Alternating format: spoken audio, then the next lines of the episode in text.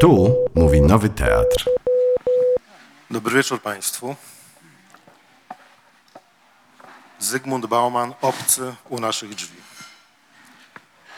Oczywiste jest, że to masowe i nagłe pojawienie się obcych na naszych ulicach nie jest efektem naszych działań i nie znajduje się też pod naszą kontrolą.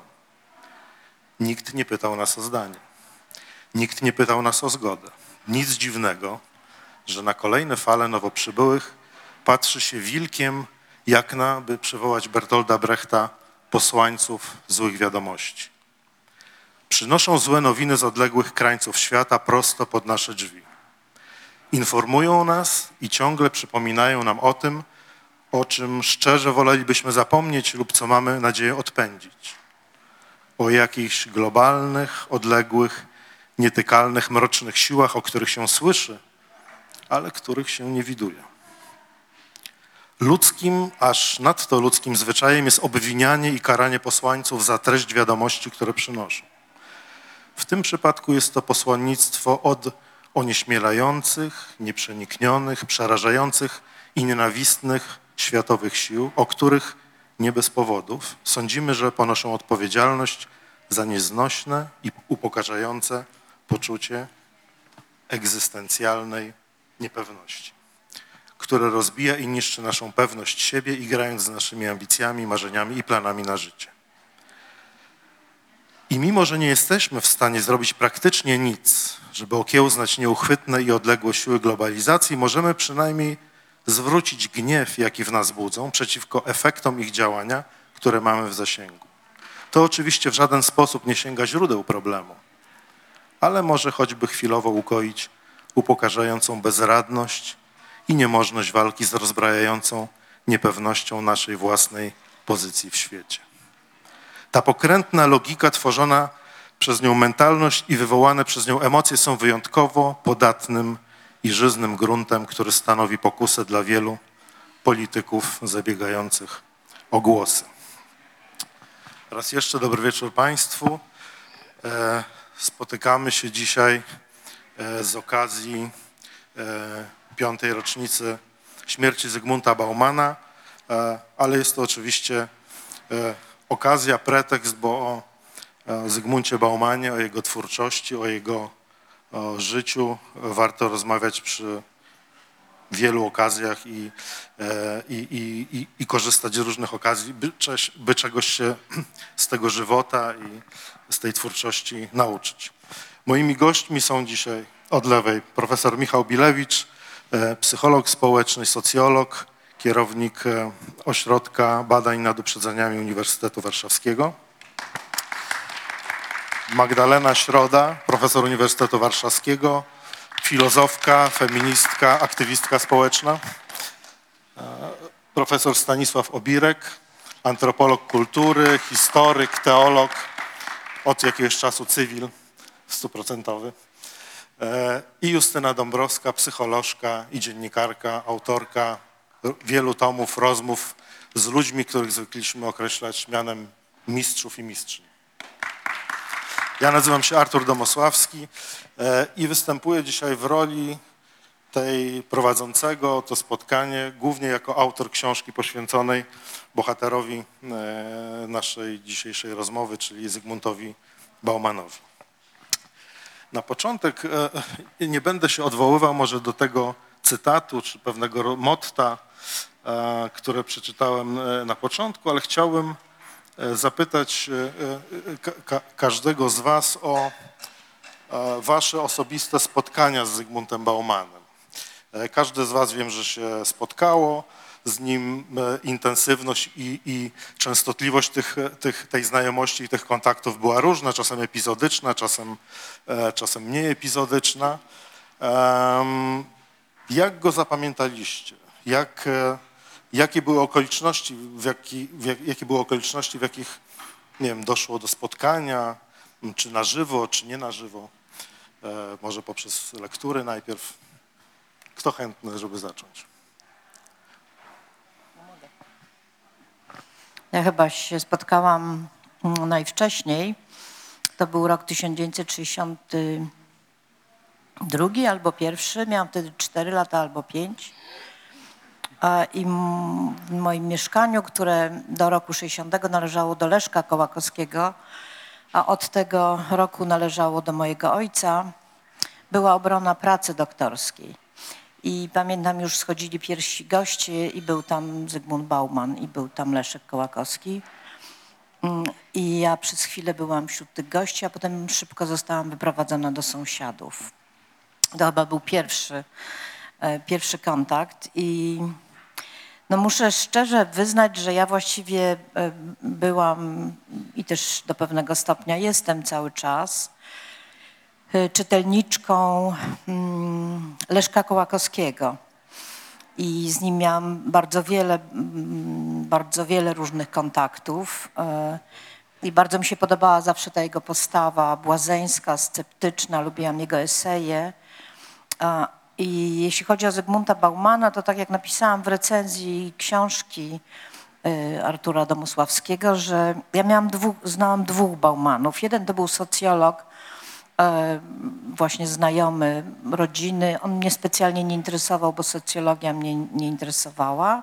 A drugi to był nagle taki Bauman, który mi się pojawił e, właściwie pierwszy raz chyba, kiedy byłam w Stanach Zjednoczonych i chodziłam do różnych księgarni i w dziale filozofia pod literką B widziałam liczne książki Baumana, niesocjologiczne. I nagle zaczęłam, nawet pomyślałam wtedy, to może jakiś inny Bauman, bo było właśnie o, po nowoczesności i tam były różne takie bardzo spektakularne e, tytuły. E, I kiedy zaczęłam czytać e, książki Baumana, to szczerze powiedziawszy wydawały mi się one nie wiem jak użyć takiego słowa, takie, no takie trochę spektakularne, te, te nazwy, które on lubił, adiaforyzacja, sekurytyzacja, płynna nowoczesność, włóczęga, turysta, te różne figury, które nam się pojawiają, że to takie... em, poza tym na przykład etyka ponowoczesna, którą przeczytałam tak naprawdę przynajmniej trzy razy, a, a ostatni raz, kiedy pisałam dzisiejszy felieton na temat moralności bez zasad y, Baumana. Mam na pierwszym, po pierwszym czytaniu świadectwa moich notatek i one są dosyć krytyczne. Myślę, o tu jest Lewinas, a tu są inni, a tu jest Beniamin właściwie. Natomiast, y, znaczy można powiedzieć, że zaczynałam się zakochiwać w Baumanie bardzo późno.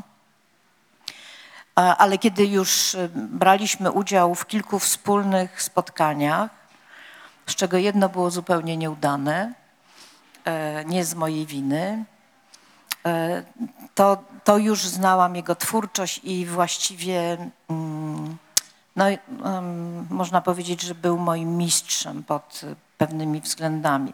Spotkanie było nieudane, ponieważ ono było z Edwinem Bendykiem i ono doty- dotyczyło nowych środków komunikacji, przyszłości komunikacyjnej.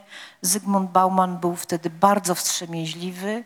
No mogą sobie Państwo wyobrazić Edwina Bendyka i Zygmunta Baumana. E, To, to nie zagrało w żaden sposób. Ja tam byłam po środku i starałam się coś o wolności słowa mówić, pamiętam. Czy możemy się, bo pani też ma swój mikrofon, żebym ja się mógł włączać. Jasne. E, Natomiast y, byłam też y, z Zygmuntem Baumanem we Wrocławiu. E, Po pamiętnych wydarzeniach byliśmy wtedy kilka dni na festiwalu Dialog, fantastycznym zresztą festiwalu, gdzie e, był pokaz y, sztuk y, właściwie teatrów z całego świata. I pamiętam, że wszyscy chroniliśmy mm, Baumana, żeby nie wychodził na ulicę, bo coś się może złego wydarzyć. To było kilka Przypomnę, że to się działo w 2013 roku Tak. po mm, takim spektakularnym ataku mm, nacjonalistów i kiboli, którzy przerwali wykład Zygmunta Baumana we Wrocławiu. A chciałem panią profesor jeszcze wpaść w słowo i zapytać, jak Baumana przyjmowali biznesmeni? Bo wiem, że pani się spotykała, e, też prowadziła z nim spotkanie, czy uczestniczyła w panelu z Zygmuntem Baumana mm, w Sopocie i publicznością no, byli ludzie z, z, mm, z- ze Stowarzyszenia Lewiatan, e, biznesmeni, no, ludzie e, mający no, rzadko dostęp do myśli socjalistycznej i, i takich poglądów, jakie głosił Zygmunt Bauman. Jak oni odbierali go? Ale właśnie to było niefortunne spotkanie z Edwinem Bendykiem. A to było to spotkanie. Że Okej. wszyscy jakby kupowali Edwina Bendyka a jednak ta postawa zachowawcza e, Baumana nie była, e, nie była do wzięcia na tym spotkaniu. Natomiast we Wrocławiu rzeczywiście był niewiarygodny, bo chodził po ulicach, ludzie do niego podchodzili, rozmawiali i w gruncie rzeczy to spotkanie i potem debata odbyła się e, w świetnych warunkach, ale też pamiętam jak kiedyś zostaliśmy poproszeni razem o wzięcie udziału w jakimś programie telewizyjnym i no, temat był jakiś bardzo ogólny. No i ja wyznam szczerze, nawet mi do głowy nie przyszło, żeby się przygotować. E, Bauman e, powiedział, że musi przynajmniej przez dwie godziny porządnie się do tego przygotować, chociaż rozmowa była krotochwilna, co wywołało oczywiście mój po, podziw i wyrzuty sumienia bardzo poważne.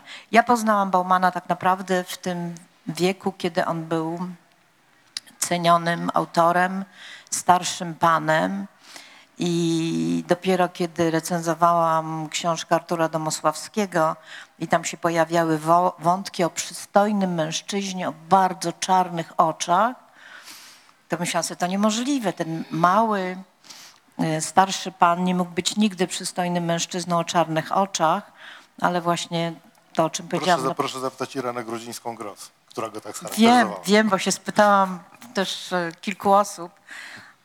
Niestety z tego 60 któregoś roku i spotkania u mnie w domu, nie pamiętam go w ogóle. A co sprawiło, że, że Zygmunt Bauman, którego nigdy specjalnie nie interesował ani Kościół, ani Pan Bóg, nagle e, wydaje dwa tomy rozmów e, z jezuitą, byłym jezuitą, później już, być może już, już doko, dokoń, dokoń, nie, nie pamiętam w tej chwili, e, w jakim momencie wyście te rozmowy zaczęli prowadzić, ale no bardzo proszę e, o, o dwa słowa na ten temat. Y, Tak, prehistoria y, moich spotkań no, nie, sięga mojego wczesnego dzieciństwa, tylko połowy lat 90. E, Wtedy właśnie jako jezuita redagowałem takie pismo Życie Duchowe i w tych latach akurat szukałem ludzi wierzących i niewierzących, żeby mówili właśnie dlaczego wierzą albo dlaczego nie wierzą. I em, przyjaźniłem się wtedy z Hanką Buczyńską-Garewicz. No i ona mi trochę tak doradzała, kogo pytać, kogo to ciekawi. No i mówi, to było w Krakowie, akurat y, Hanka była naszym gościem u jezuitów. Mówi, wiesz, jest wykład Baumana. Może on mnie specjalnie nie ciekawi, ale może dla ciebie to będzie ciekawe. Ja mówię, Bauman w Krakowie, nie wiedziałem. To był jakiś zjazd socjologów. No więc poszedłem na ten wykład. Yy, Oczarował mnie, taki porównywalny trochę z y, wykładem Derrida, którego też w Krakowie słyszałem i tak sobie pomyślałem, no od razu bym to wydrukował. Ale podobał się panu wykład czy mówca i sposób? Jedno i drugie. Tak jak właśnie dlatego łączę Baumana z Derridą, bo Derrida też nie jest kojarzony z, yy, z religią, e, a już na pewno nie z katolicyzmem, ale to, co mówił, pamiętam, to było o przebaczeniu, przebaczaniu, no tak jak Derrida. A u Ba- Bauman nie pamiętam, co mówił, ale też mówię, że chciałbym, żeby on coś napisał na ten temat. No to yy, Hanka mówi, no to słuchaj, no i idź powiedz mu, że chcesz, żeby coś napisał. Mówi, jak to tak iść? No dobrze, no więc wziąłem tych parę numerów Życia Duchowego pod pachę. Oni mieszkali na ulicy Szczepańskiej mm, w hotelu Saskim. No ja przychodzę i mówię, panie profesorze, ja mam tu taki pomysł. No dobrze, to się umówmy na kawę jutro. No i pamiętam, to było w załuku świętego niewiernego Tomasza, czy świętego Tomasza. W każdym razie e, miałem dokładnie to samo następne doświadczenie. Bauman cały czas mówił, a ja żał, żałowałem, że nie miałem magnetofonu, bo miałbym właśnie już artykuł. Gotowy tekst. Tak, i mówię mu, no tak żałuję, wie pan, że ja nie, nie, nie, nie mam, jak- nie Że nagrałem. nieprzygotowany. Tak. A mówi, nic nie szkodzi, ja ci to wyślę zaraz. Tam ojcu wyślę, bo jeszcze byliśmy wtedy per pan. E, Ja mówię, no dobrze, no to, no i po miesiącu przychodzi taki tekst na, na kilkanaście stron. E, y, w co wierzy ten, kto nie wierzy, a czy są tacy w ogóle. W ogóle taki tekst był właśnie przywracający do góry nogami mój cały misterny pomysł na ten temat. No i potem drugi raz napisał i tak żeśmy się, kiedy bywał w Polsce, to się spotykaliśmy, potem spotkaliśmy się też w Lidz. No więc tak żeśmy się spotykali. Do czasu mojego wystąpienia z zakonu w 2005 roku, no myślałem, no jak wiele kontaktów i ten się skończył. No ale gdzieś, chyba to w Warszawie było, Bauman mówi, no ale może byśmy coś napisali razem. Ja mówię, no panie profesorze, no ja nie mam już wydawnictwa, jestem kiedyś jako jezuita, to mogłem dopiero.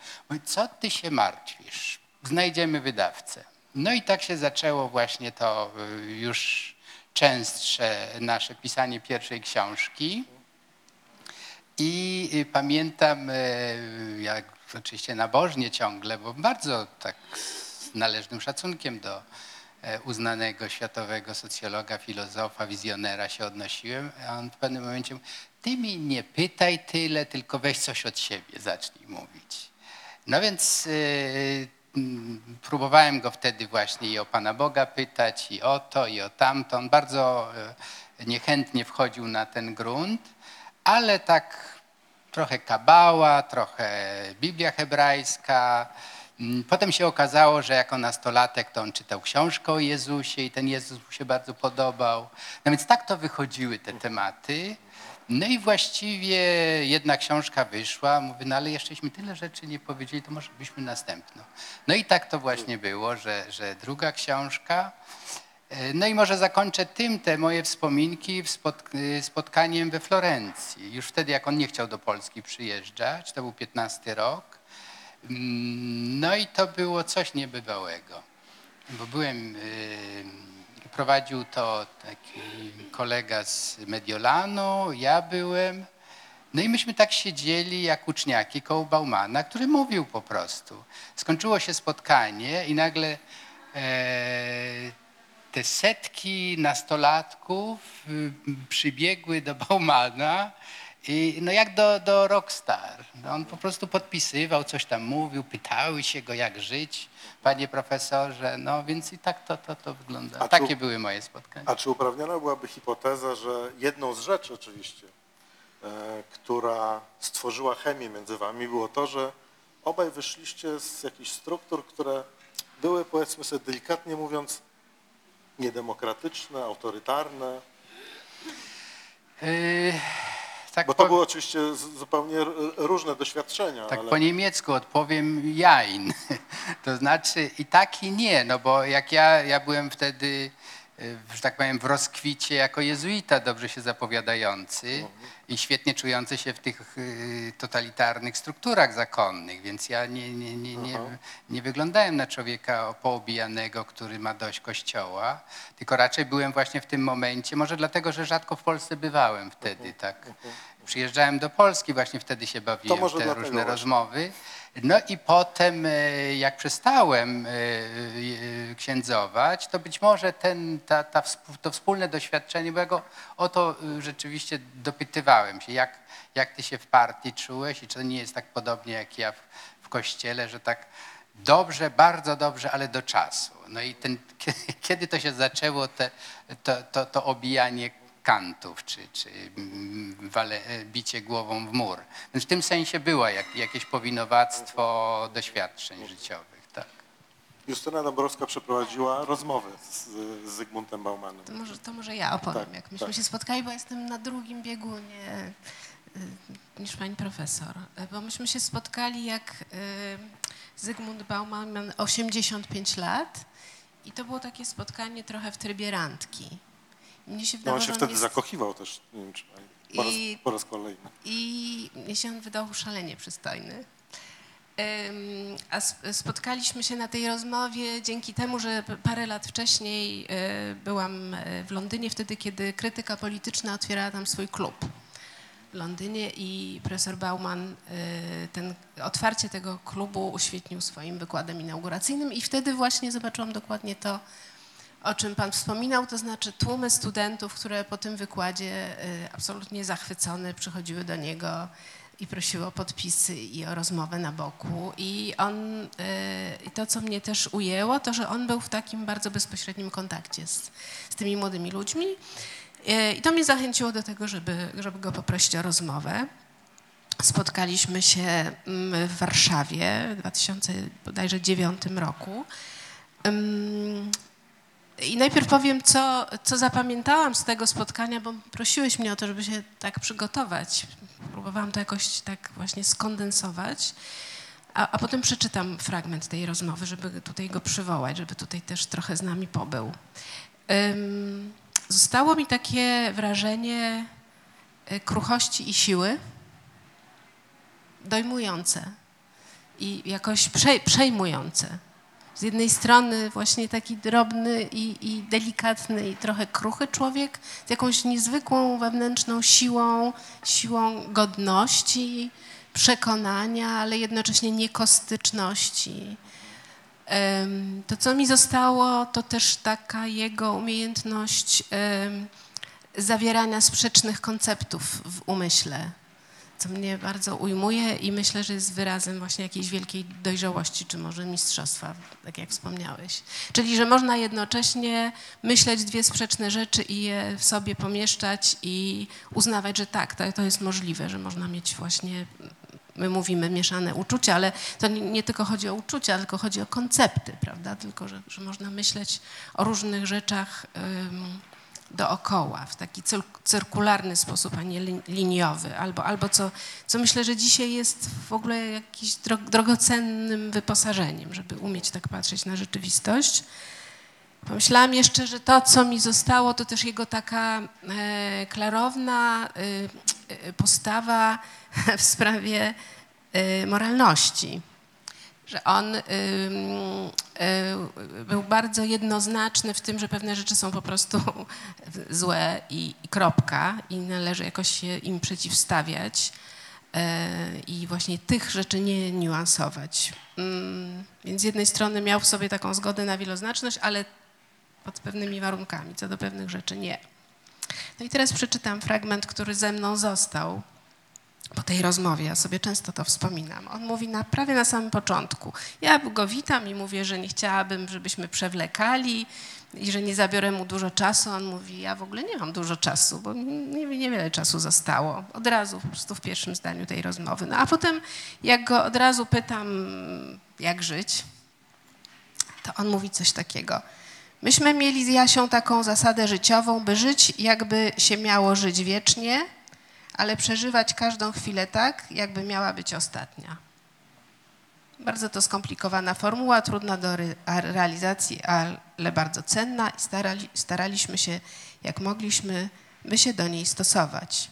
Żadna chwila nie ma szans się powtórzyć, więc trzeba ją przeżywać poważnie.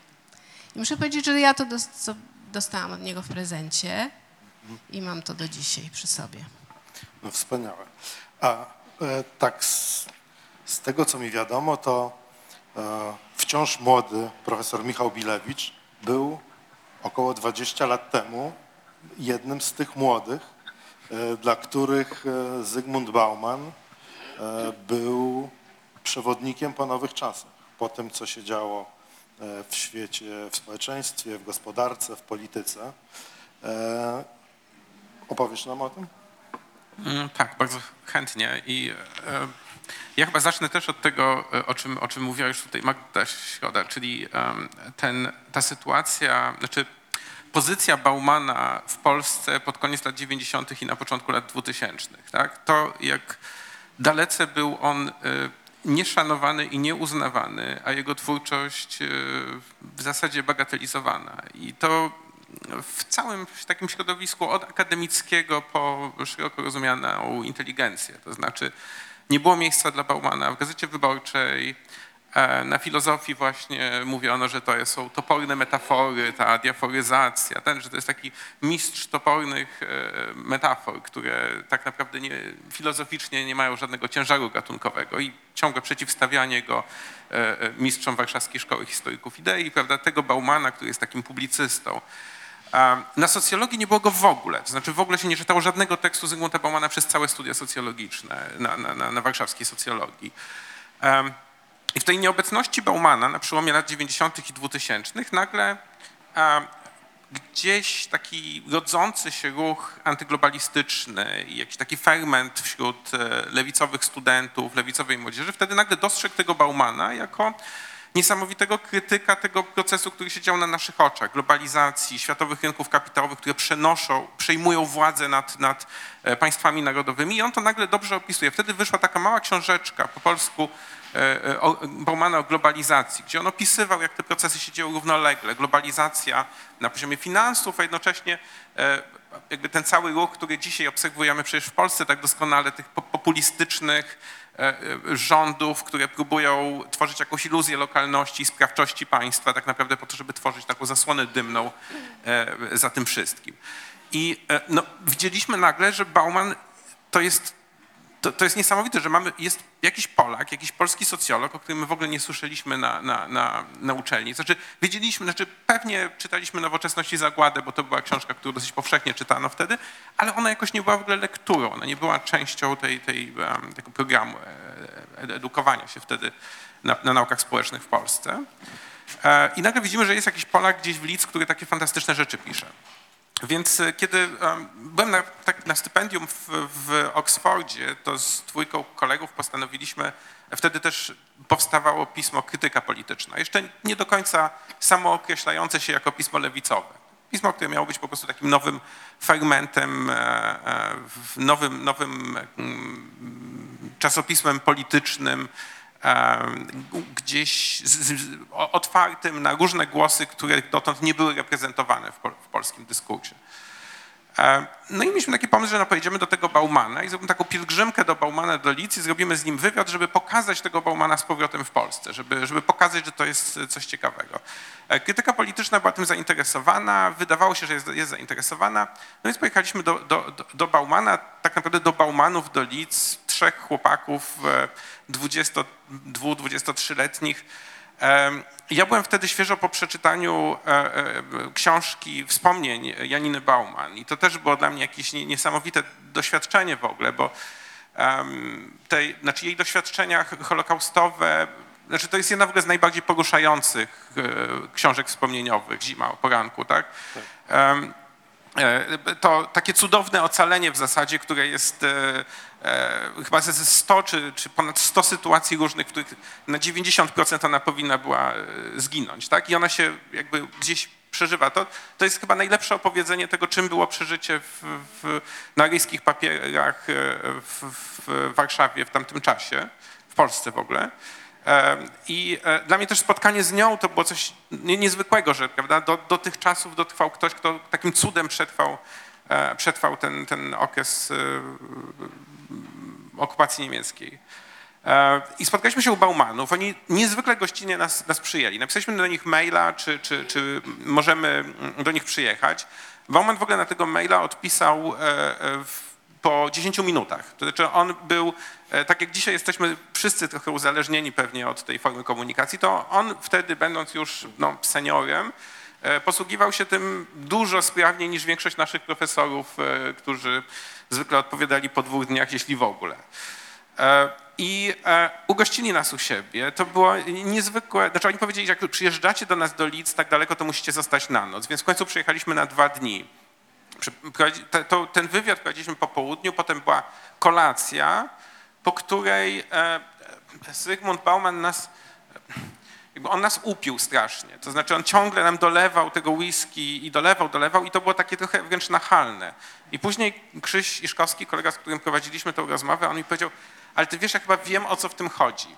W tym jest jakaś metoda. Jemu chodzi o to, żebyśmy się szybko upili i poszli spać bo on przecież musi rano pracować. I faktycznie następnego dnia, rano, chyba o 6 rano, e, on e, już słyszeliśmy, że schodzi po schodkach i, i, i szedł pracować. Taki był jego tryb, tryb dnia. Czyli to- szóstej to już był po pracy, po, pierwszym, po pierwszej była to fazie. jakoś, jakaś dzi, dziko poranna pora, która, więc wtedy zrozumieliśmy, że, że e, e, nieprzypadkowo te wieczorne przyjęcia muszą się skończyć twardo o 22 i nie ma szans, żebyśmy e, mogli, tak jak mieliśmy to w zwyczaju w, środowiskach studenckich, gadać do czwartej nad ranem, bo z nimi się rozmawiało fantastycznie i z Baumanem się w ogóle rozmawiało znakomicie, bo nagle ten człowiek, który posługiwał się takim, nie wiem jak to nazwać, może takim trochę za bardzo kwiecistym językiem pisząc, gdzie czasami to było trochę jak takie niemieckie pisanie z orzeczeniem na końcu. Taki, ten styl był taki trochę archaiczny, taki popisujący się. W rozmowie tego w ogóle nie ma. Dlatego też świetnie się czyta rozmowy z Baumanem. Dużo lepiej chyba nawet niż jego książki, bo on mówił pięknym językiem, takim normalnym. E, e, też erudycyjnie, ale bez tej takiej emfazy, która jest w jego Ale, tekstach. ale nie dał sobie tych tekstów redagować, bo kiedy, kiedy redakcje poprawiały mu te teksty na, i cza, czasem to też w wywiadach robił, na, na, na polski, to on potem w, prze, prze, przetłumaczył, to, tłumaczył to znowu na bałmański. No bo jest tak. Nam tego na szczęście nie zrobił później, gdy, ten, gdy autoryzowaliśmy wywiad z nim, zachował, zachował tą, tą taką potoczną dosyć jego, jego formę. E, No i tacy du- dumny z siebie napisałem do Sławka Sierakowskiego, redaktora krytyki politycznej, e, no słuchaj, przeprowadziłem taki fantastyczny, przeprowadziliśmy taki fantastyczny wywiad z Baumanem i tam opisałem, do, do czego udało nam się go przekonać w tej rozmowie, że się odsłonił w różnych takich sprawach, których on e, nigdy nie, nie, nie, nie pisał, o których nie pisał w swoich książkach. I dostałem taką jednozdaniową odpowiedź. Kiedy rozmowa z Kołakowskim i Senetem? E, I sobie pomyślałem wtedy, o, to jest właśnie ta polska recepcja Baumana. Tak, Po co jechaliście do tego Baumana? Przecież jesteście w takim miejscu, w Oksfordzie. Trzeba przeprowadzić rozmowy z prawdziwymi myślicielami. I e, mówię o tym, żeby pokazać, że to rzeczywiście był jakiś taki okres wykluczenia Baumana w Polsce. To znaczy takiego, takiego em, takiej jego nieobecności zupełnie nieuzasadnionej, ale myślę, że to było równolegle z wykluczaniem w ogóle lewicowego głosu w dyskursie. Tego, że jak pojawiał się w Gazecie Wyborczej artykuł Kowalika, to pod nim musiał być komentarz Gadomskiego, dlaczego zdecydowaliśmy się na publikację tych egzotycznych e, poglądów. Jak, e, e, to się zaczęło w tym czasie właśnie zmieniać. Znaczy dopiero, myślę, krytyka polityczna, właśnie artykuły Artura Domosławskiego Ameryce Łacińskiej, Ameryce Południowej. To był ten czas, kiedy, kiedy w ogóle ten, ten język zaczął się, zaczął się pojawiać. Ale, ale Bauman był, myślę, też tego ofiarą, takiego zamknięcia mm, Polski na, na, na, na dyskursy lewicowe, antyglobalistyczne i tego, że właśnie Zygmunt Bauman był socjalistą. I dla niego nauki społeczne, znaczy ten postulat Wertfreiheit, uprawiania nauk społecznych w sposób wolny od wartościowej, dla niego nie istniał. Dla niego, tak jak powiedziała Justyna Dąbrowska, kwestie dobra i zła były zawsze obecne, bo wiadomo, że to ma być emancypacyjna teoria, to co on tworzy. I dlatego też traktowanie go jako postmodernisty w Polsce było dla mnie głę- głęboko niesprawiedliwe. Tak? Znaczy on nie był postmodernistą, on, on, on, e, on opisywał kondycję ponowoczesną, ale w sposób, który nadal był właśnie wartościujący, był no, no, no, no, na pewno tej śmierci e, narracji, która jest u innych postmodernistów, u niego e, nie było. Na- Nawet mam tutaj fragment, ale nie będę, nie będę go z płynnej nowoczesności, kiedy, w którym Bauman w, samych, w samym zakończeniu pisze o tym, że nie ma wyboru pomiędzy zaangażowanym a neutralnym sposobem uprawiania socjologii, że nią niezaangażowana socjologia nie jest możliwa, że poszukiwanie moralnie neutralnego stanowiska wśród wielu odmian współczesnej socjologii, od jawnie libertariańskich po zdecydowanie komunitariańskie byłoby próżnym wysiłkiem, że bagatelizowanie e, lub wypieranie ze świadomości światopoglądowego wymiaru pracy oraz wpływ przyjętego przez siebie światopoglądu na działanie jednostek lub zbiorowości ludzkich socjologowie mogą li tylko za cenę odmowy przyjęcia odpowiedzialności za wybory, z którymi każdy człowiek mierzyć się musi na co dzień. Powołanie socjologii stanowi dbałość o to, by owe wybory były świadome i autentycznie wolne i aby pozostały na zawsze znamieniem człowieczeństwa. To jest język, który e, wydaje mi się, że bardzo rzadko jest obecny w, e, w refleksji, no powiedzmy sobie, głównego nurtu humanistyki. Bauman w jakimś sensie się bardzo tutaj, e, w, w tym fragmencie, ale w wielu innych odsłania, prawda? Próbuje mówić prostym językiem o rzeczach podstawowych i, i takich, które e, są często decydują o naszych innych wyborach. No, powiedziałeś, e, e, mm, mm, powiedziałeś tutaj o, o takim wykluczeniu Baumana, a chciałem właśnie jakby, żeby- żebyśmy w, w, w, w drugim wątku naszej rozmowy e, spróbowali się zastanowić, na czym polega problem Polski z Baumanem.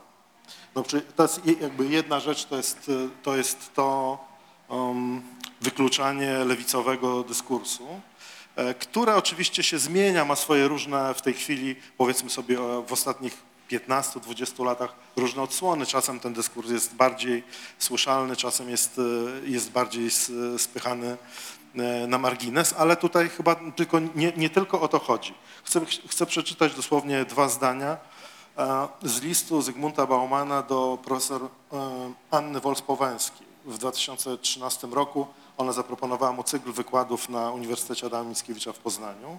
I to jest moment, w którym Bauman już nie chce przyjeżdżać do Polski. I pisze tak, po prostu mi obmierzło.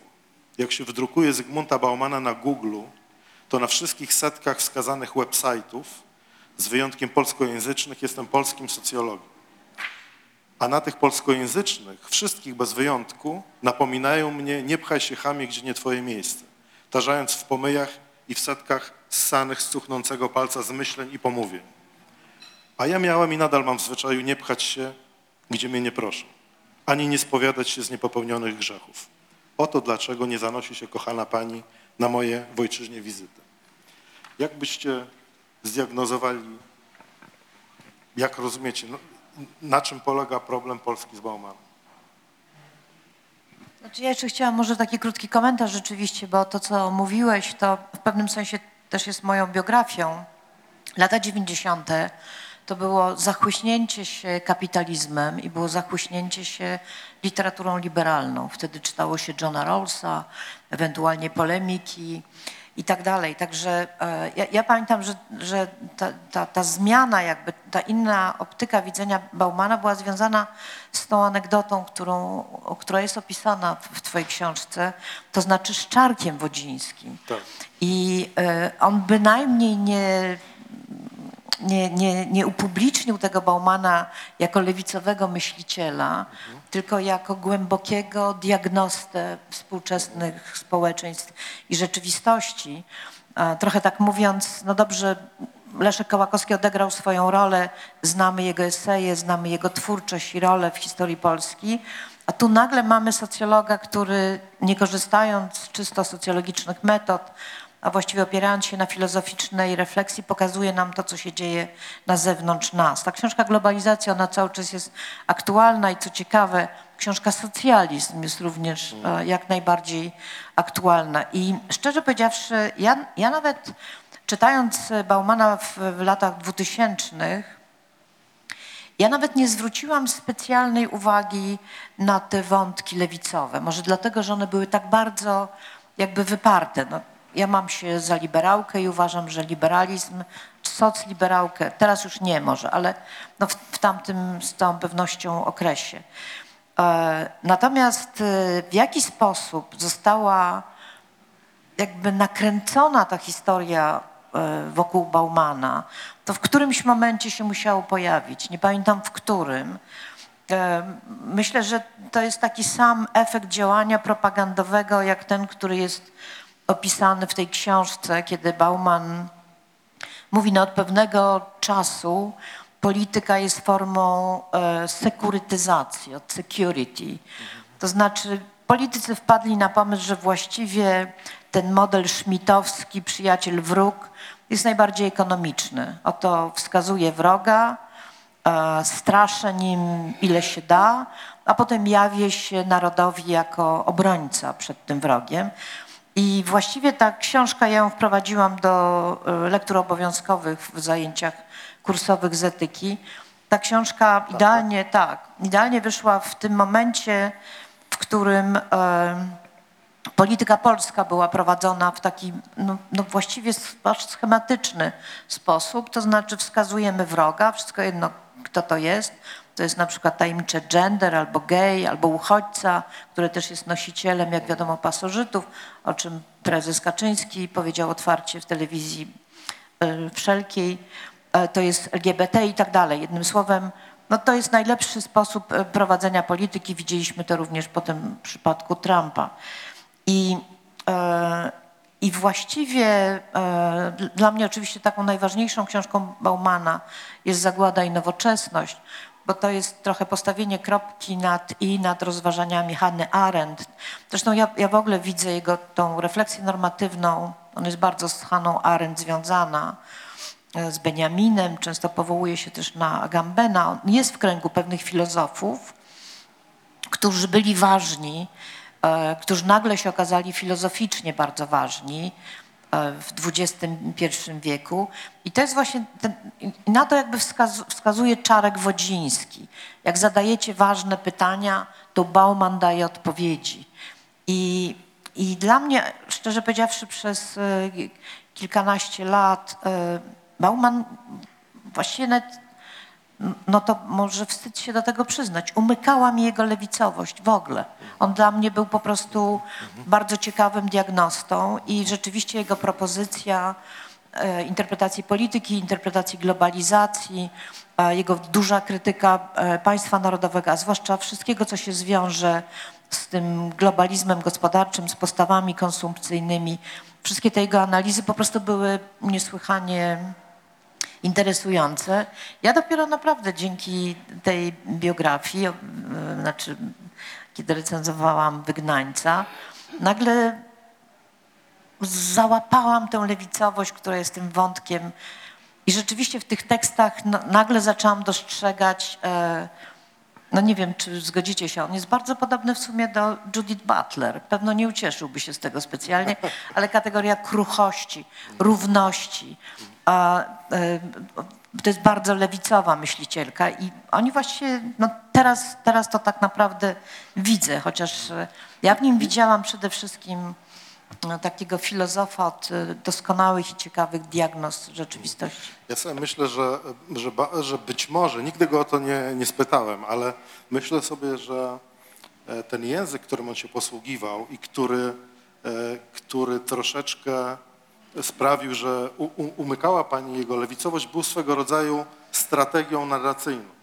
Że, że Bauman nie posługując się językiem takim, jakim zazwyczaj posługują się krytycy kapitalizmu, chciał dotrzeć, nie wiem, czy to było intencjonalne, to mógł być równie dobrze wybór czysto literacki, ale Bauman chciał dotrzeć do o wiele szerszego, do o wiele szerszego grona czytelników. To był, e, był to rodzaj literackiego kamuflażu w moim przekonaniu, ale, mm, ale to jest tylko moja hipoteza i już pewnie z tą hipotezą bez... e, Ale nie, te, teraz jak wracam do tych tekstów, wracam, To teraz je widać. ja to wyłapuję, na przykład y, już nie pamiętam w którym, chyba w rozmowach na temat dekalogu, na temat pożądania.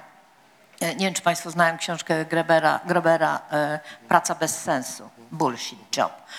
No, Greber pisze, że tak się stało, że myśleliśmy, że kiedy e, będzie technologia i efektywność, to będziemy mieli mnóstwo wolnego czasu i wykorzystamy go znacznie lepiej niż e, funkcjonując w gospodarce kapitalistycznej e, w- roli właśnie podległych. E, Ale nie, kapitalizm stworzył mnóstwo zawodów bez sensu. Takich właśnie jak, nie wiem, doradca finansowy, albo prawnicy, albo e, jak to się nazywa, ten HR, albo PR, albo i tak dalej, i tak dalej. I teraz wyłapuję, to jest, tego jest mnóstwo u Baumana, prawda? Marketing. Mówi, no nie ma czegoś równie obrzydliwego jak marketing. Z samego zresztą ję- językowego brzmienia, ale również ten zawód. Bo Bauman uważał, że, że, że dwie, y, y, co najmniej dwie myśli z Marksa pozostają wiecznie aktualne na temat kapitalizmu. Mianowicie, że jest, że jest y, niemoralny i że jest marnotrawny. I to jakoś... Ale Marksa tam nie jest dużo i może dlatego ta lewicowość umyka. Bardzo rzadko cytował Marksa w swoich To prawda, ale w płynnej nowoczesności y, na początku, kiedy wyjaśnia koncept płynnej nowoczesności, ten Marks się pojawia. No dobrze, a czy, czy chcielibyście coś dopowiedzieć do kłopotów Baumana z Polską? Tak, ja pomyślałam, że Polska miała kłopot z Baumanem Tak, tak, i ona go ma nadal, Tak, tak. bo Polska bardzo nie lubi e, takiego, e, takiej intelektualnej pracy, która opiera się na wglądzie. Czyli Polska nie lubi, żeby nazywać rzeczy po imieniu i żeby pokazywać konflikty wewnętrzne, które są, w, w, które Polska w sobie ma e, i których bardzo nie chce widzieć. Polska I... jest jednoznaczna. Polska jest właśnie jednoznaczna i nie chce widzieć na przykład takich nieprzyjemnych swoich części, e, swoich części antysemickich, swoich części, e, które się godzą na, na okrucieństwo, co, czego jesteśmy dzisiaj świadkami, prawda? na brutalność, na, na zło, na, na krzywdzenie ludzi itd. itd. I myślę, że on bardzo, w bardzo piękny i jasny sposób pokazywał te konflikty wewnętrzne, czy tak ujawniał taką prawdę. Każdy z nas ma jakieś konflikty wewnętrzne, to nie jest nic niezwykłego, tylko że tu jakoś bardzo trudno wciąż w Polsce jest o tym mówić, prawda? O tym, co mamy na sumieniu, co się, co się wydarzyło całkiem jeszcze niedawno. I ja tak sobie pomyślałam, że to jest jeden z powodów, dla których Polska ma kłopot z Baumanem. A dlaczego uniwersytet ma kłopot z Baumanem? To znaczy, Rzeczywiście, e, znaczy, kłopot z Baumanem polega na tym, że był komunistą, należał do partii, miał przeszłość taką, jaką miał i w którymś momencie został uruchomiony w ramach polityki historycznej e, taki mechanizm, prawda? I on jest jednym z kozłów ofiarnych tego mechanizmu. ale, niesamowi- ale niesamowite jest to, że bardzo wielu byłym komunistom jakoś wybaczono, jakoś e, uznano, że okej, byłeś komunistą, my ci, to wy, my ci wybaczamy. Baumanowi nigdy nie wybaczono. Właśnie y, to jest ciekawe, że w tej książce, w twojej książce jest jakaś taka równoległość dwóch postaci, Baumana i Wiatra. Oni się pojawiają w różnych, na różnych etapach No, przyjaźnili się biografii, przez- przyjaźnili się. Tak. Uwikłania polityczne Wiatra były dalece większe niż Baumana. Wiatr przecież funkcjonował w całej tej epoce, również postkomunistycznej, jako Mhm. ważna postać y, y, potem SDRP i SLD. Tak? I, i nie pamiętam e, e, nakarowej jakiegokolwiek wypominania wiatrowi e, tych uwikłań. Taki pan socjolog polityki, który sobie jest i, i, i jest bardzo ceniony i tak dalej. E, Boję się, że w Polsce, i to, to dotyczy zarówno środowiska akademickiego, jak i tej e, publicznej recepcji e, Baumana w, w, niestety to była kwestia etniczna.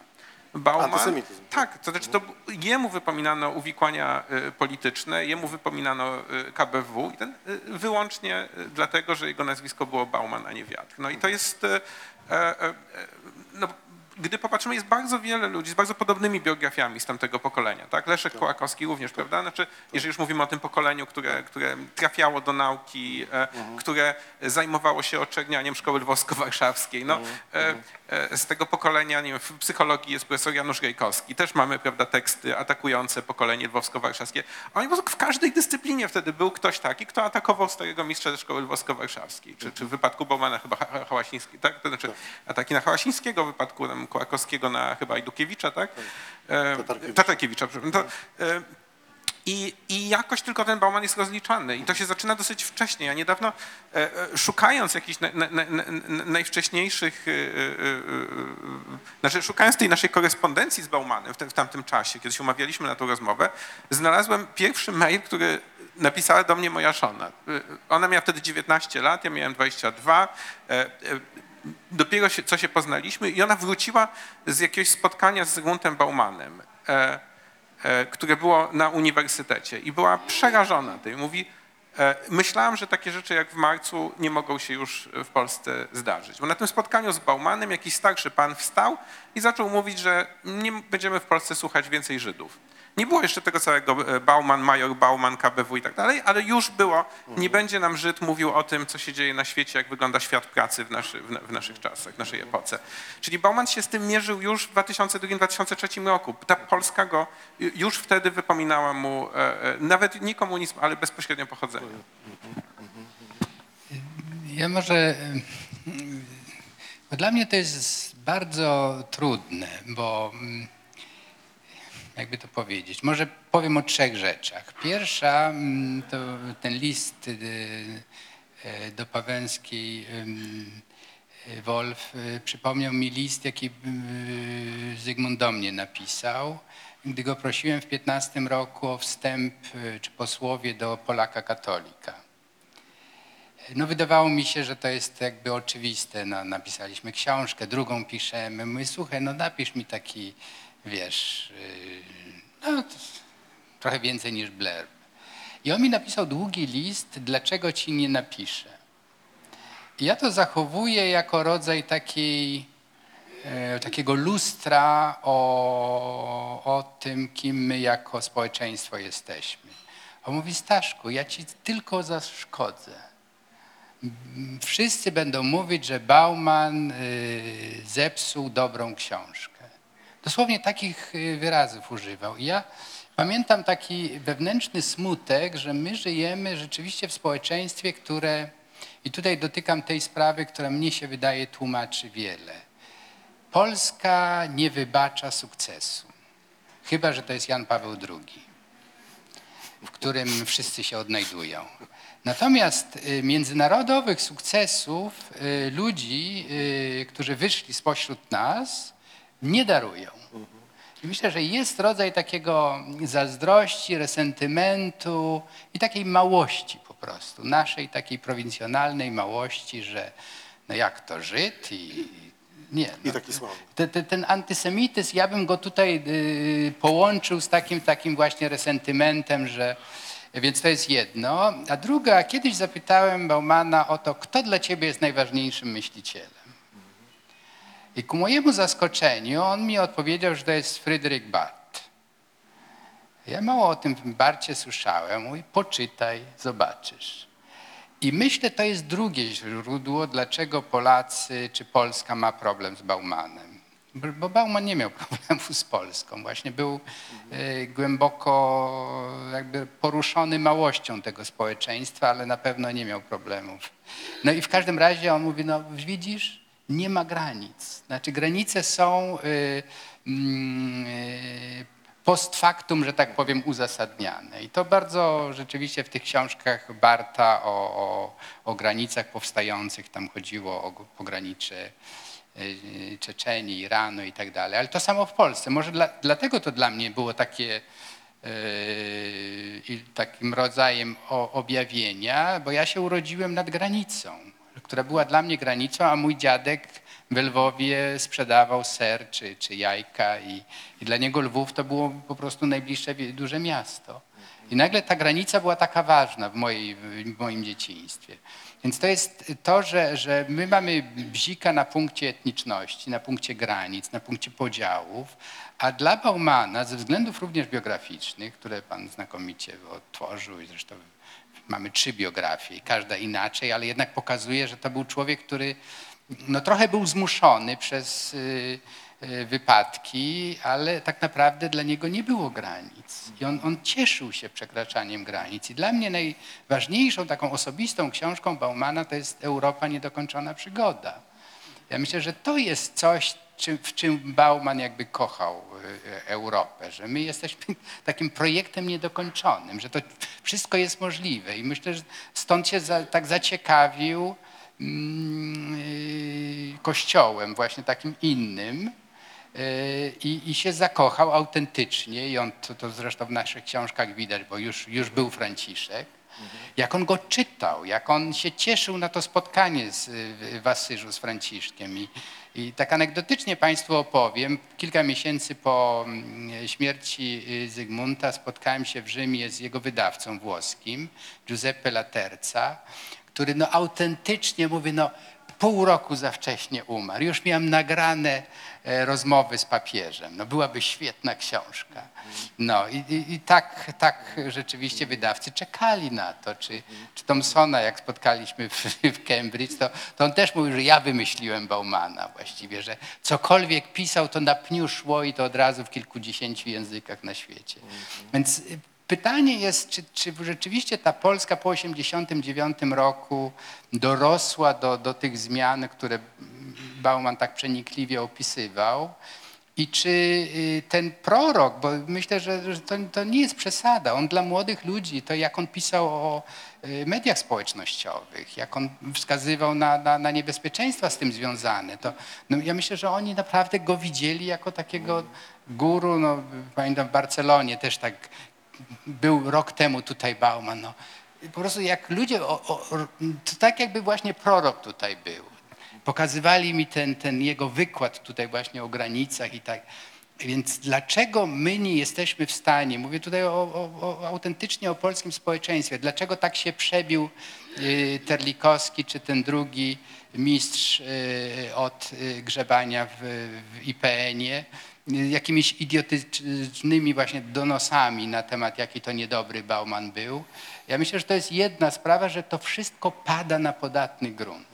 Po prostu pada na podatny grunt ludzi zawistnych, małych, niezdolnych do cieszenia się sukcesem i niechcących się uczyć, no bo Bauman naprawdę był nauczycielem, mistrzem, pokazywał nowe możliwości rozumienia świata, my jesteśmy właśnie szczęśliwi tym naszym kochanym, najświętszym, największym Janem Pawłem i cywilizacją śmierci. To nam wszystko załatwia i już wiemy, y, mamy na wszystko odpowiedź. No i wymieniłeś właściwie wszystkie cechy takiej figury dobrego wroga. Żyd, komunista, kosmopolita, zero zamiłowań do kategorii narodu. Ja nawet pozwoliłam sobie dzisiaj na maleńki cytat. Narodowość to jest zezwierzęcenie. E, zwolennik Europy, przestrzeni, otwartości, przeciwnik kapitalizmu, e, sławny, e, no i jeszcze antyklerykalny. Pamiętamy też jest to w, w pana książce będziemy mieli wałęsizm i kleryk, klerykalizację, co wtedy mi się wydawało burzające po prostu. Nie był zwolennikiem Jana Pawła II i chyba nie, nie miał aspiracji, żeby z nim kiedykolwiek rozmawiać. No jednym słowem uosabiał tak naprawdę wszystkie cechy, można powiedzieć, antynarodowe, ale ja też mam polską taką mentalność profesor, lekko... proszę, proszę uważać z mówieniem antynarodowe, ponieważ podobno w przestrzeni publicznej ironia dzisiaj już nie jest bardzo czytelna. Właśnie tak, słyszałam. A ja jeszcze mam naprawdę taką właśnie teorię też trochę spiskową, że e, on jako wróg polskości, religijności, no wszystkiego właściwie, pojawił się wtedy, kiedy w Polsce e, klarowała się polityka historyczna i kiedy wydobywano różnych bohaterów, żo- żołnierzy wyklętych i tak dalej, i tak dalej. I No, kiedy się za- nadawał na figurę wroga. tak, idealnie. I wtedy zaczęła się też ta ostra polityka antykomunistyczna. E, taka, no, te, teraz właściwie cud, y, ty może nie, ale niektórzy e, urodzili się w PRL-u i to już jest rodzaj piętna, jak wiadomo, czy jakiejś grzeszności. Ja e, chciałem zapytać, e, e, ale zanim to pytanie pa- padnie, przeczytam wam cytat króciutki z jednego listu. Dos- dos- do- Dostałem po, po, po publikacji Wygnańca mnóstwo listów i w nich się pojawia taki wątek, który mnie bardzo porusza, mianowicie, mianowicie rewidowania historii PRL-owskiej, ale w takim, w takim rodzinnym ujęciu. Jeden z czytelników pisze do mnie tak, że historia Baumana pozwoliła mi inaczej spojrzeć na niektóre historie z własnej rodziny, w tym mojej babki, która jak on, jak on miała wiele powodów, żeby z zaangażowaniem włączyć się w budowę nowego systemu zaraz po wojnie. Myślę, że w wielu rodzinach w Polsce panuje na temat takiego zaangażowania przykre tabu. Ja bym nawet to rozwinął, bym powiedział pewnego rodzaju wstyd społeczny, że, że, że nasza pozycja, że pozycja wielu z nas dzisiejsza, e, że zawdzięczamy ją, nie wiem, właśnie awansowi e, z okresu PRL-u, bądź naszych rodziców, bądź, bądź naszych dziadków. I chciałem się zapytać, czy, czy sądzicie, że e, biografia Baumana, jego doświadczenie mogą nam jakoś pomóc w, no w, rewizji, w rewizji tego utartego, em, stereotypowego postrzegania tamtej epoki. Nie- chodzi, nie chodzi mi tutaj o jakąś prostą rehabilitację. Chodzi raczej o, o spojrzenie na tamten czas również jako, nie tylko jako na czas dyktatury, ale również jako na czas rewolucji społecznej, która się dokonywała zwłaszcza w pierwszych y, powojennych latach. Czy ktoś z Was chciałby dwa słowa powiedzieć? Znaczy, Ja tylko powiem jedno zdanie, trzeba by odbrązowić PRL i to jest ogromna praca, jak się wydaje. E, No bo po to, żeby przeczytać tą biografię i pana książkę, to jednak trzeba czytać. No, a dużo ludzi czyta jednak. No ale to są, zdaje się, ci, którzy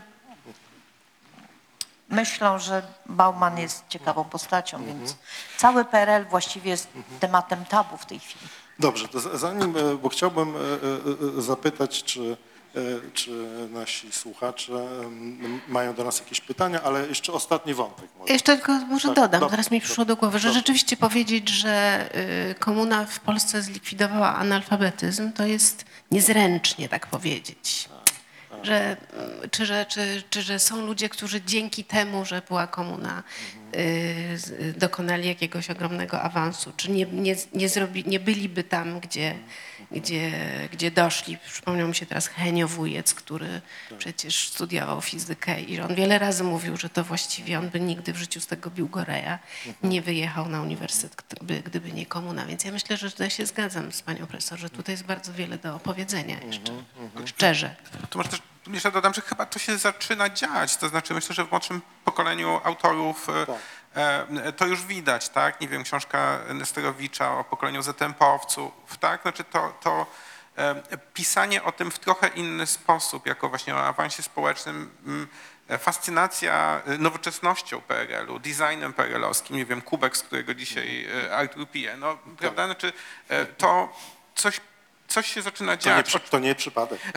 E, Myślę, że, że, że, że ta fascynacja y, y, PRL-em trochę jego innym obliczem, nie, nie tylko tą, tą, tą narracją IPN-owską, prawda, której padł ofiarą Bauman, jest coraz bardziej powszechna.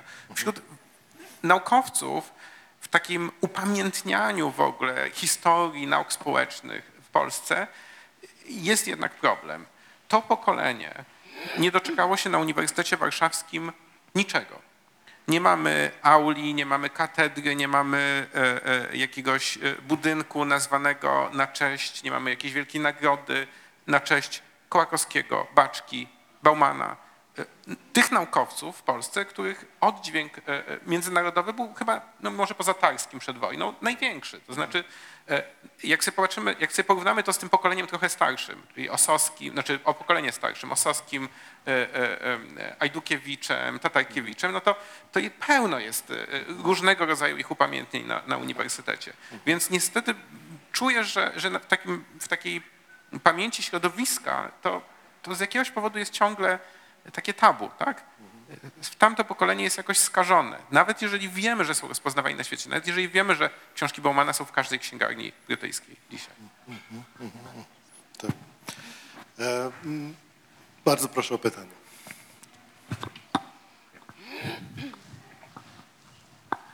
Bardzo dziękuję. Ja chciałem zadać takie pytanie, czy przypadkiem do jakoś do naszych słów nie wkrada się obłuda? Jak mówimy o Janie Pawle II, ja osobiście Jana Pawła II bardzo nie lubię. Sądząc po tym, co mówi pan profesor Obielek, też entuzjazmu po jego stronie nie ma. Sądzę, że po stronie pani profesor Środy entuzjazmu też nie ma. Dlaczego więc my tak mówimy, że my zachwycamy się Janem Pawłem II? Wydaje mi się, że w wielu gronach się nie zachwycamy. Więc nie udajmy tego, że się zachwycamy, bo to jest sztuczne, to jest takie, jakaś taka figura retoryczna. My się chowamy za tym, że niby tak jest, tak musi być, a jest inaczej. Wydaje mi się, że to jest nie na miejscu i niezdrowe. Dziękuję bardzo. Dziękuję.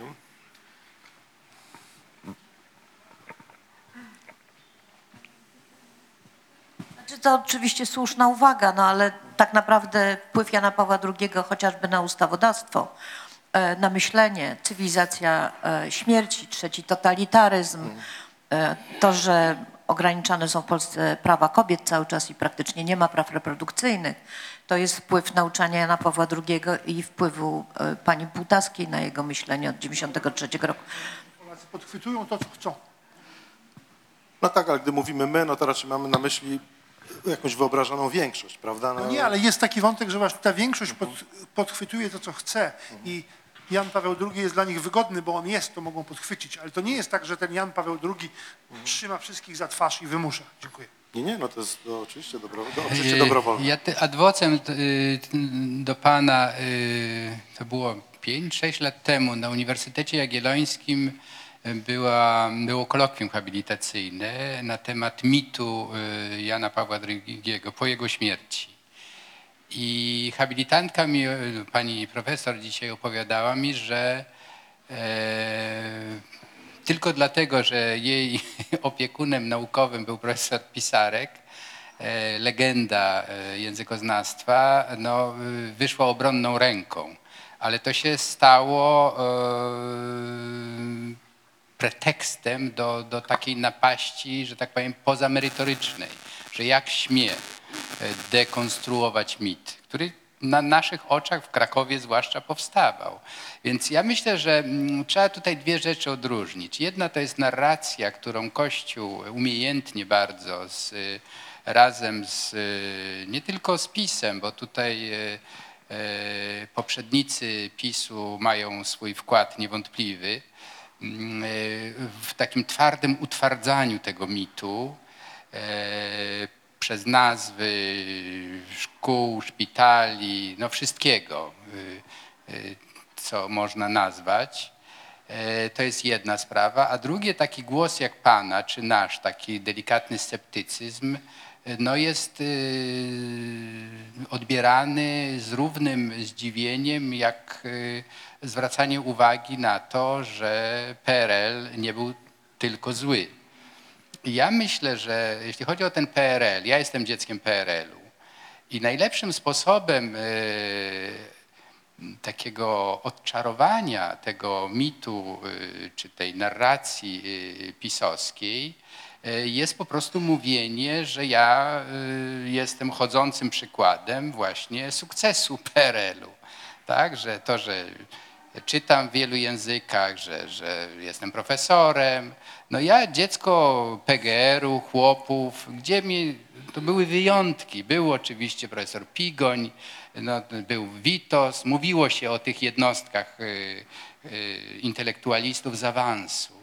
Ale to, co się stało w 1945 roku, to 80-90% y, półanalfabetów weszło w- impetem w tworzenie nowej rzeczywistości. I dla mnie jest ciekawe, że te 30% zwolenników PiSu, ilu tam jest, sądzę delikatnie licząc, jakieś 90% ludzi z awansu. Więc gdzie jest ta pamięć historyczna? Gdzie jest ta pamięć ich pokolenia, ich samych? Bo to jest moje pokolenie. To są moi byli przyjaciele w większości, z którymi mam e, no, taki właśnie utrudniony kontakt, bo nagle te 5-6 lat temu nasze narracje się straszliwie rozjechały. I nie wiem, czyja to jest wina. Po prostu jest to pewien fakt społeczny, który być może Bauman pomoże nam e, uleczyć. Jako właśnie ten, który no nigdy, ja myślę, że jed, to coś, poza tym, co wspomniałem, Baumanowi też się nie wybacza jednego, że on nigdy nie przestał być socjalistą. Kołakowski przestał być socjalistą. E, wielu innych. Bauman do końca był lewicowy i nie wstydził się tego. I ja myślę, że to jest też e, coś nowego. E, To, o czym mówił Michał Bilewicz, że, że młodzi ludzie właśnie w, w 20 lat temu nagle odkryli, że ktoś taki w ogóle jest możliwy. No bo tutaj był ten zachłyśnięcie się neoliberalizmem i właściwie nie było alternatywy. Yy, No i jeszcze drugie nazwisko, które chyba trzeba w tym kontekście przypomnieć, dopiero teraz odpominane, to jest Andrzej Walicki. Przecież z Walickim dokładnie ta sama yy, procedura nastąpiła. Wyborcza, nasza kochana wyborcza, właśnie potrafiła zohydzić alternatywną, inną yy, narrację Walickiego wobec Rosji. Bo Ros- Rosję trzeba nienawidzieć, tak? Taka jest na- narracja. Jeżeli ktoś ma wątpliwości, że trzeba, że jest wiele Rosji, że jest nie tylko Putin, nie tylko Ławrow, ale jest cudowna literatura, jest no, ogromny ruch alternatywny tam, no to już, już się robi z człowieka wtedy y, putinistę i tak dalej. Więc ja myślę, że tutaj tych grzechów do, mm, czy, czy win, jakie, jakie liberalna trzecia Rzeczpospolita zaciągnęła wobec tej przeszłości jest więcej.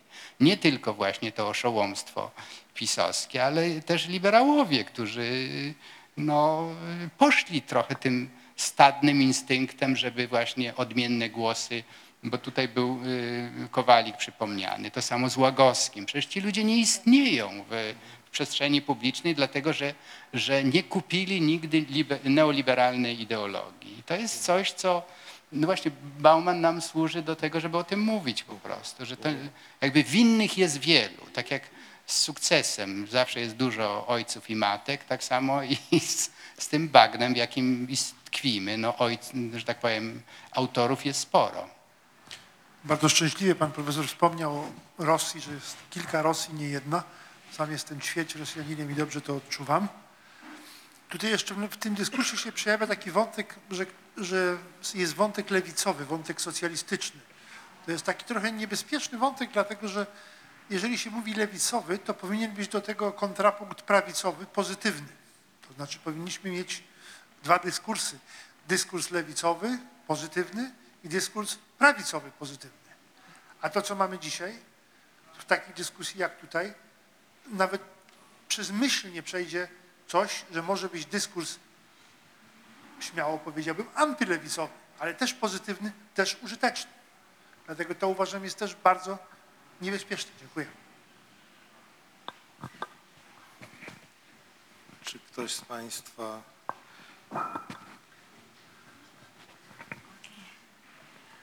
ja mam pytanie y, takie zupełnie inne. Chciałam się zapytać pana Domaszowskiego, dlaczego nie ma y, w tej książce wspomnienia, że Bauman spędził y, cały semestr w Yale, gdzie byłam dwa razy zresztą studentką Baumana, e, e, e, raz w Warszawie i raz w Yale, gdzie uczył seminarium pod tytułem Class, Status and Power in East European Socio-Political Systems.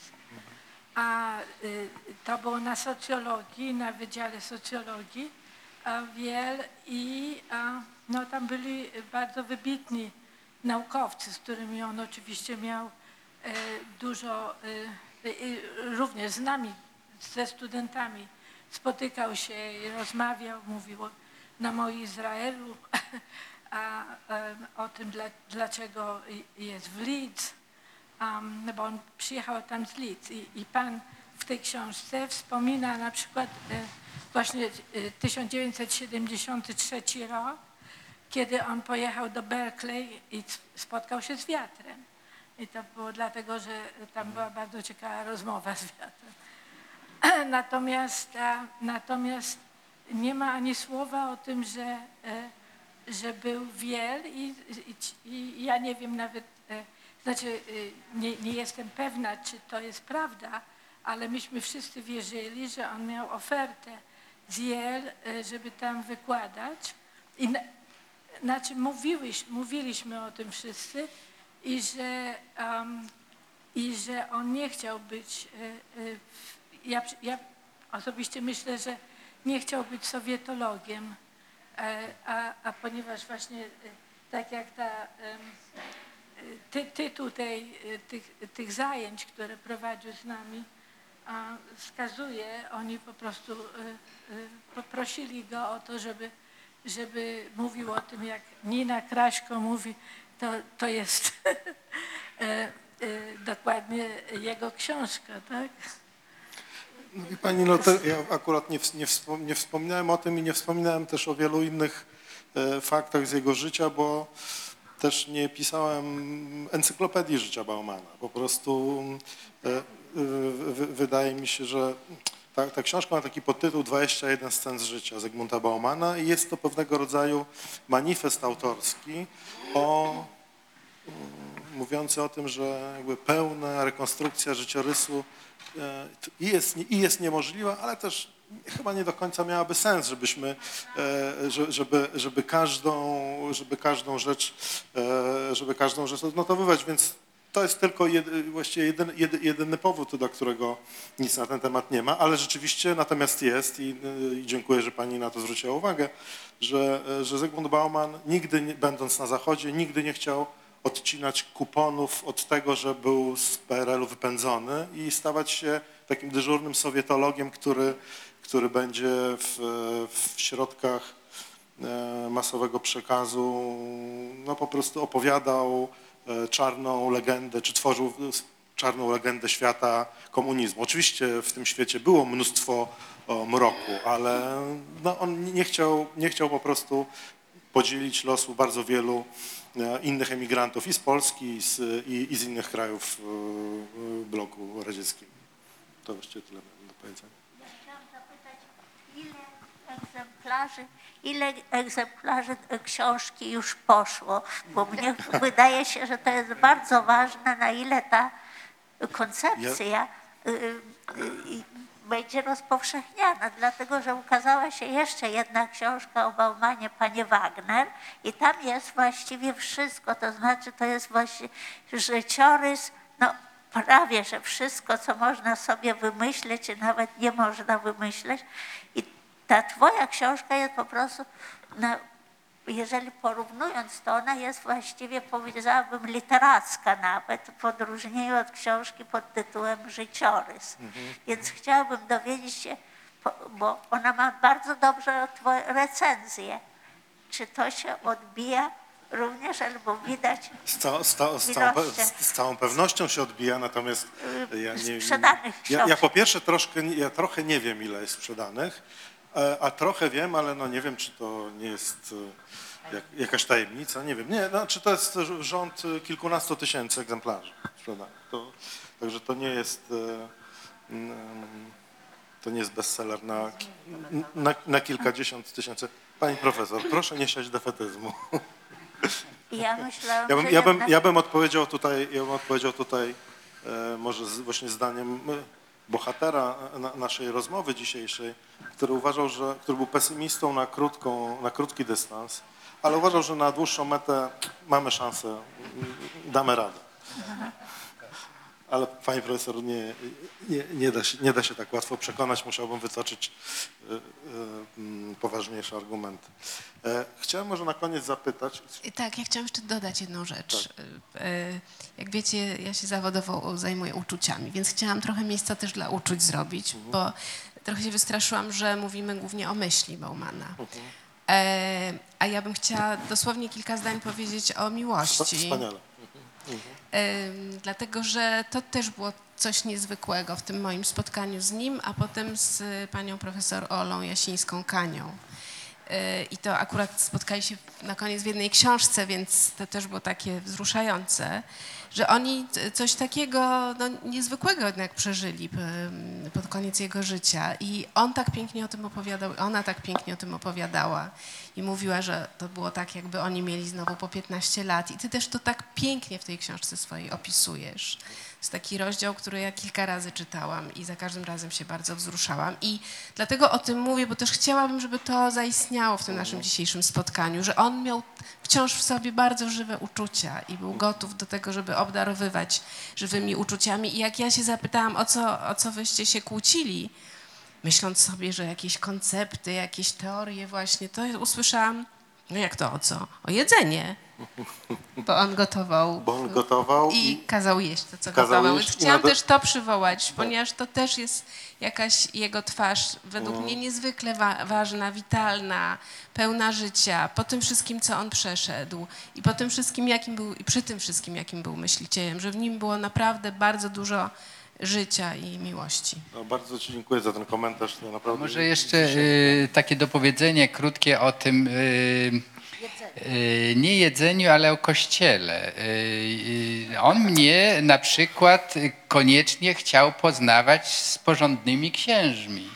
A, no bo, bo Pan żadnego nie znał. Tak, mówi, Rozumiem. słuchaj Staszku, musisz go poznać. Czyli, no to jest czyli naprawdę... on chciał chrystianizować Pana trochę. Nie, to było oczywiście żartobliwe, ale on naprawdę, no, yy, tak jak Jan Paweł II, to nie jest moja bajka, też yy, biskup Życiński to nie była moja bajka, ale trzeba oddać Życińskiemu, że zapraszał Baumana do, do siebie na kul. Tam no, rękę sobie też złamał, ale nie, nie u biskupa, tylko w NN Brama Grodzka. W każdym razie y, jest kilku księży, którzy naprawdę spijali mu z ust. I on to widział, to znaczy chciał, żebym ja tych księży, to był w Gdańsku taki bok e, Ignacy bodajże, mówi, słuchaj, tam jest taki ksiądz, że no, mu- masz, masz, Wierzę w Boga. masz tak. za czarny obraz kościoła, więc to było coś takiego, że on mnie przekonywał, że z kościołem to nie jest tak źle. No Już potem było mu łatwiej z Franciszkiem, ale, ale do polskiego kościoła mnie nie przekonał jednak. Dobrze, To to była też, e, gdybyśmy kontynuowali wątek jedzenia, wielka przewaga Baumana nad Kołakowskim, tak jak Mickiewicz i Słowacki. nie, um- nie umiał gotować? Kołakowski nie gotował, miał też kłopoty żołądkowe i właściwie rozmowa z nim o jedzeniu nie była specjalnie No, dla, dla Baumana ja doświad, doświadczyłem em, jego, go- jego kucharzowania i rzeczywiście po, po takim przedłużonym weekendzie w Lidz e, p- przytyłem e, i był w tym obdarowywaniu e, jedzeniem i, i trunkami. Ja trunków nie mogłem pić i było mi bardzo trudno e, przekonać go do tego, nie przekonałem go. Był w tym niezwykle apodyktyczny. Właściwie e, miałem takie poczucie, że oto w końcu objawił mi się ten major wojska, o którym tutaj tyle słyszałem z tych opowieści IPN-owskich. On po prostu nie znosił sprzeciwu. Po prostu kazał mi jeść cz- czterodaniowe obiady. E, może na koniec, bo mamy już 10 minut, rzeczywiście musimy kończyć. Em, Czy co waszym zdaniem najważniejszego, nie wiem, zostaje na dziś e, z Baumana? Czy, czy ze świadectwa jego życia, czy z, czy z jakiejś konkretnej książki, czy no coś bardziej ogólnego? Nie wiem. Może ja mogę, ja mogę pierwszy powiedzieć, że dla mnie, tutaj, dla mnie tu, jest, tu jest wiele wątków, ale może chciałem zwrócić uwagę na, e, na to, że Bauman mm, e, wciąż mówił o pewnym ideale dobrego społeczeństwa, chociaż on nigdy nie, e, zwłaszcza w tych os- ostatnich latach, właśnie ostatnich kilkudziesięciu latach, nigdy nie wzdragał się przed formułowaniem jakichś recept. Gdy mówił na przykład o socjalizmie, to mówił o socjalizmie jako o pewnym narzędziu krytyki i jako o horyzoncie. Mówił tylko tyle, że dobre społeczeństwo to jest po pierwsze takie, które nie uważa samo siebie za wystarczająco dobre. To była jedna taka myśl. Druga, że społeczeństw, że dobre społeczeństwo ubezpiecza od nieszczęścia, wypadków, złego losu wszystkich swoich członków, a w szczególności tych najsłabszych, którzy w razie takiego e, złego losu nie będą sobie w stanie poradzić. I trzecie to jest taka myśl, którą on zaczerpnął od Stanisława Ossowskiego, jednego ze swoich nauczycieli, że mm, siłę dobrego społeczeństwa mierzy się siłą czy wytrzymałością tego najsłabszego ogniwa czy przęsła. To było to porównanie albo z łańcuchem i najsłabszym ogniwem, albo z mostem, z, na, z, naj, z najsłabszym przęsłem. I ja myślę sobie, że mm, jakkolwiek w, w pisarstwie Baumana e, właśnie nie ma, nie ma tych recept, ale ono po pierwsze jest, e, pobudza nas do myślenia, a po drugie wiemy, że żyjemy w takim świecie, w którym zmiana, bardzo, że zmianie, naprawdę dobrej zmianie, musi towarzyszyć jakaś inna opowieść o lepszym świecie i że pisarstwo Baumana, to co nam zostawił, e, myślę, że może nam pomóc w stworzeniu takiej właśnie opowieści, która być może będzie kiedyś zarzewiem jakiejś e, prawdziwie dobrej zmiany. Ja może tyle powiem, że dla mnie spotkanie Baumana i te kilkanaście lat, jakie mm, dość intensywnie z nim e, e, dzieliłem jego życie, mm, to jest ta niedokończona e, przygoda. To znaczy, on był sobą zawsze i stwarzał taką przestrzeń, że człowiek naprawdę przy nim wierzył, że, że, że będzie dobrze, że będzie lepiej. On wychwytywał, ja tak trochę żartobliwie o tych kilku sprawiedliwych wśród księży polskich y, mówiłem, ale naprawdę coś takiego w nim było, wyszukiwanie dobra. To jak on, y, wspomniałem już o, o, o Franciszku, ale naprawdę on się cieszył y, ty, tym, tym otwarciem, tą wrażliwością na uchodźców. Tak, tak no, on mówił w, w rozmowie z papieżem, już książka o tym powstała, że, że ty jesteś dla mnie tym światełkiem w, tunelu. Tak do, do, do, do Franciszka powiedział. I, I to myślę jest coś takiego, żeby jednak koncentrować się na tym, co jest dobre. On, ja nie pamiętam, żeby on o kimś źle mówił. Oczywiście nie znosił Thatcher, nie znosił Reagana, no miał parę, ale, ale to nie był jego główny temat. Znaczy on, jeżeli mówił o, o, o złych ludziach, to właśnie tych, którzy, którzy no potrafili stworzyć całe grupy społeczne wyrzucone dosłownie. No bardzo y, bolał nad tym, co się po 1989 roku w Polsce stało że, że tak wiele ludzi zostało naprawdę pozbawionych środków do życia. To były te obszary biedy, które go trapiły autentycznie. Ale starał się jakby inaczej o tym mówić. Nie, nie na tym się koncentrować, tylko mówić, y, spróbujmy coś zrobić, żeby, żeby jednak y, można było ludziom przywrócić wiarę w przyszłość, w lepszą. I ten jego socjalizm to była utopia realizowana. Jeżeli on nigdy z Polski nie wyjechał, on został z Polski wypchnięty.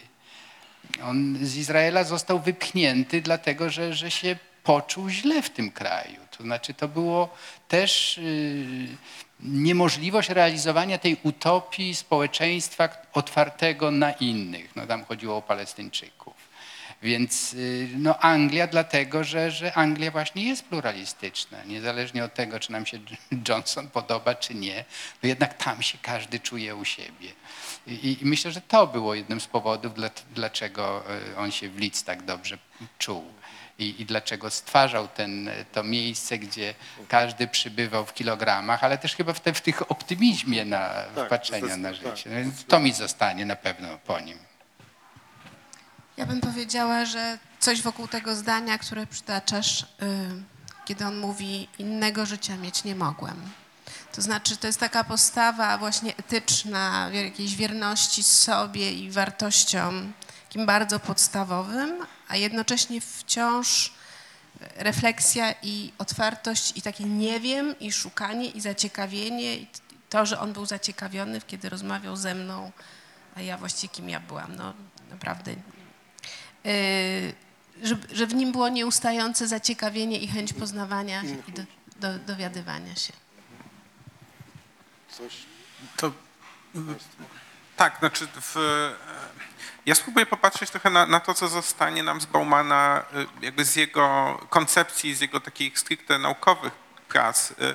E, To, co czyni dzisiaj aktualnymi, to jest to, że on miał faktycznie niesamowity dar przewidywania tego, w jaką stronę świat pójdzie. Znaczy w jego pracach z lat 90. możemy dokładnie przeczytać dokładny opis prekaryzacji świata pracy, tak? tego jak wszyscy będziemy żyli w jakichś takich na, na płynnych umowach i, i, i o, o, znaczy ta rzeczywistość właśnie sprekaryzowanej pracy, która wtedy dopiero się rodziła, ona jest tam dobrze opisana. On opisuje mm, mm, wielkie korporacje technologiczne, które będą funkcjonowały wyłącznie w internecie, zanim Facebook w ogóle powstał to on, on pisze o tym, jak będzie wyglądało zarządzanie y, y, ludzkim funkcjonowaniem przez właśnie tych właścicieli wielkich mm, firm działających wyłącznie w rzeczywistości internetu. E, To, co przeczytałeś na początku o uchodźcach, e, e, cała ta metafora turysty, a z drugiej strony włóczęgi, prawda? I tego, że te ruchy będą działy się na, na samym szczycie i na samym dnie hierarchii społecznej, no to jest coś, co my dzisiaj e, widzimy, prawda, na naszych oczach, gdy, gdy w czasie epidemii, prawda, mamy, e, e, prawda, nie wiem, turystykę egzotyczną na najwyższym poziomie i procesy uchodźcze na, na najniższym poziomie. I jeszcze do tego, no nie opisał zmian klimatycznych, ale myślę, że to było e, wtedy jeszcze nie, nie, nie podejmowane tak, tak bardzo. Więc w tym sensie on antycypował jakieś procesy społeczne, więc on jest teraz wybitnie aktualny i czytanie jego tekstów z lat 90. jest e, świetnym kluczem do rozumienia tego, co się dzieje na naszych oczach. Natomiast no, pewnie za jakieś 30-40 lat to już nie będą tak aktualne książki. Więc trochę przychylam się do tego, co, co, co mówiła profesor Środa tutaj, czyli że jego najważniejszą książką chyba jest Nowoczesność i Zagłada. To znaczy, to jest książka, w której stykają się takie trzy największe próby zrozumienia Holokaustu. Z jednej strony szkoły frankfurckiej, z drugiej strony Hannah Arendt i z trzeciej strony eksperymentów psychologicznych Stanleya Milgrama. I on to wszystko integruje w jakiś jeden taki model, w którym pokazuje, co się dzieje wtedy, kiedy zaczynamy up- upodabniać e, e, relacje ludzkie do produkcji przemysłowej i proces zabijania do procesu e, e, fabrycznego e, ze współudziałem ofiar. To są, to są strasznie kontrowersyjne tak naprawdę tezy, ale dzisiaj e, no, na przykład niedawno wydana książka Geca Ali o narodzinach współczesnego antysemityzmu, w zasadzie to jest bardzo podobna teza, tak? Znaczy to, to jak on pokazuje. I, i te, jak się to bardzo dokładnie przeczyta, to, to w jakiś sposób no to jest właśnie, tu pojawiło się pytanie o lewicowości i prawicowości, o tej symetrii.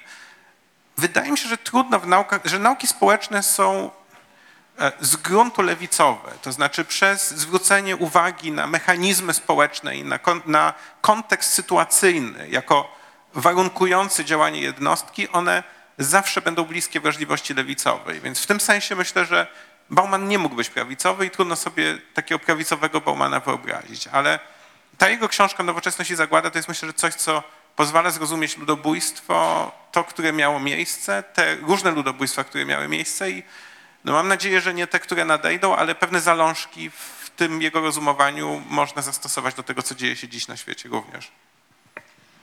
Tak, myślę, że to, co jest ważne też, e, gdybyśmy chcieli pomijać w ogóle kategorie polityczne, co nam też daje nowoczesność i zagłada, to jest zrozumienie fenomenu obojętności moralnej.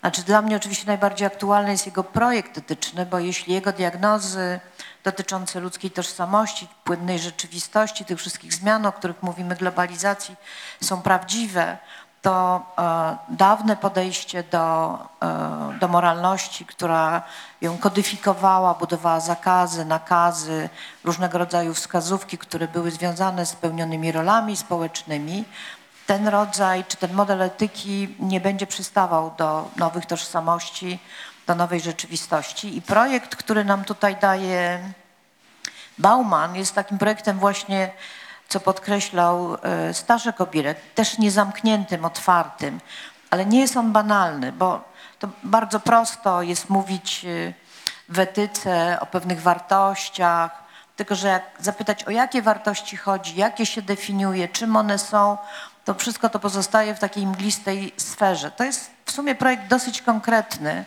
bo e, myślę, że to jest też to pytanie o pochodzenie zła. E, Ba- Bauman daje jednoznaczną odpowiedź. E, Mówi o ludzkiej obojęt- obojętności, zresztą do tego służy mu też papież Franciszek, który mówi o obojętności.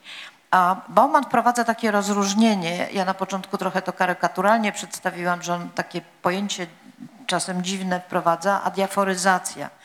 Bo rzeczywiście tak jest, że e, bywamy obojętni na krzywdę innych, bywamy nieczuli z różnych powodów, ale istnieje inny rodzaj obojętności. Ja starałam się w swojej książce znaleźć jakąś lepszą, bardziej przystępną nazwę i nie mogłam znaleźć, bo czymś innym jest obojętność na krzywdę drugiego człowieka, a czymś innym jest obojętność wobec innego jako człowieka.